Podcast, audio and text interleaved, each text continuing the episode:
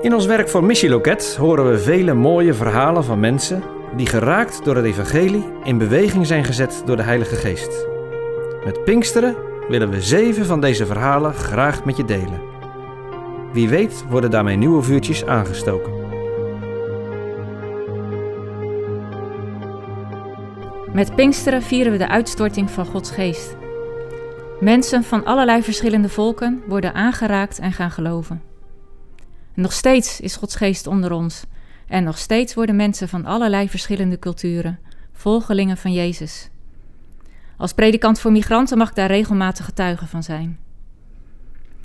Ik vind het altijd heel intrigerend om de verhalen te horen van mensen die christen worden. Zeker van mensen die opgroeien in een heel andere religie.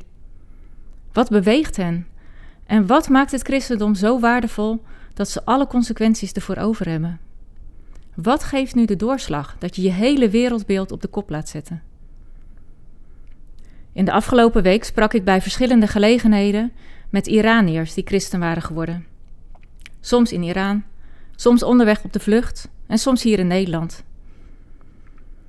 Een vrouw vertelde over haar vlucht, dat ze verdwaald in de nacht een groot licht zag.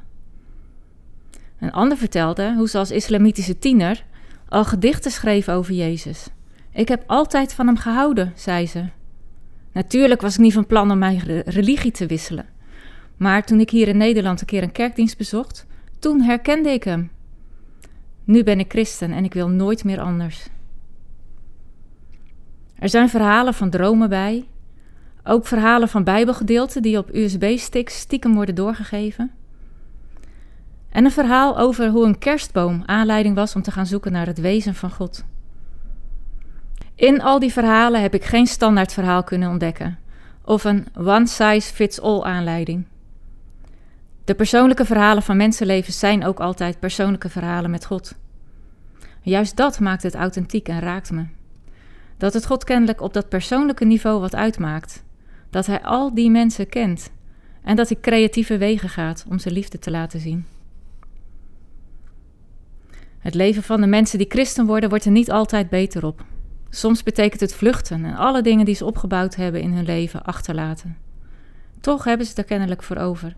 En daar hoor ik dan eigenlijk toch wel iedere keer weer eenzelfde verhaal over. Een Iraanse man formuleerde het gisteren zo in het gesprek. Het leven is hier heel, heel moeilijk. En hij had gelijk, want het leven voor vluchtelingen in Nederland kan heel hard zijn. Maar, zo zei hij, de vrijheid in mijn hoofd en de vreugde in mijn hart, die wil ik nooit meer kwijt. Misschien wil je daar vandaag eens over nadenken. Hoe ziet Gods persoonlijke verhaal met jou eruit? Herken je de vreugde en de vrijheid in je hoofd en je hart? Als dat zo is, blijf dan niet stilzitten en houd het niet voor jezelf. Bid of diezelfde geest van God je wil leiden en ga ervan delen met de mensen om je heen. Vandaag is de podcast geschreven door Esther van Schie, voorganger en directeur van Stichting Geloofsinburgering.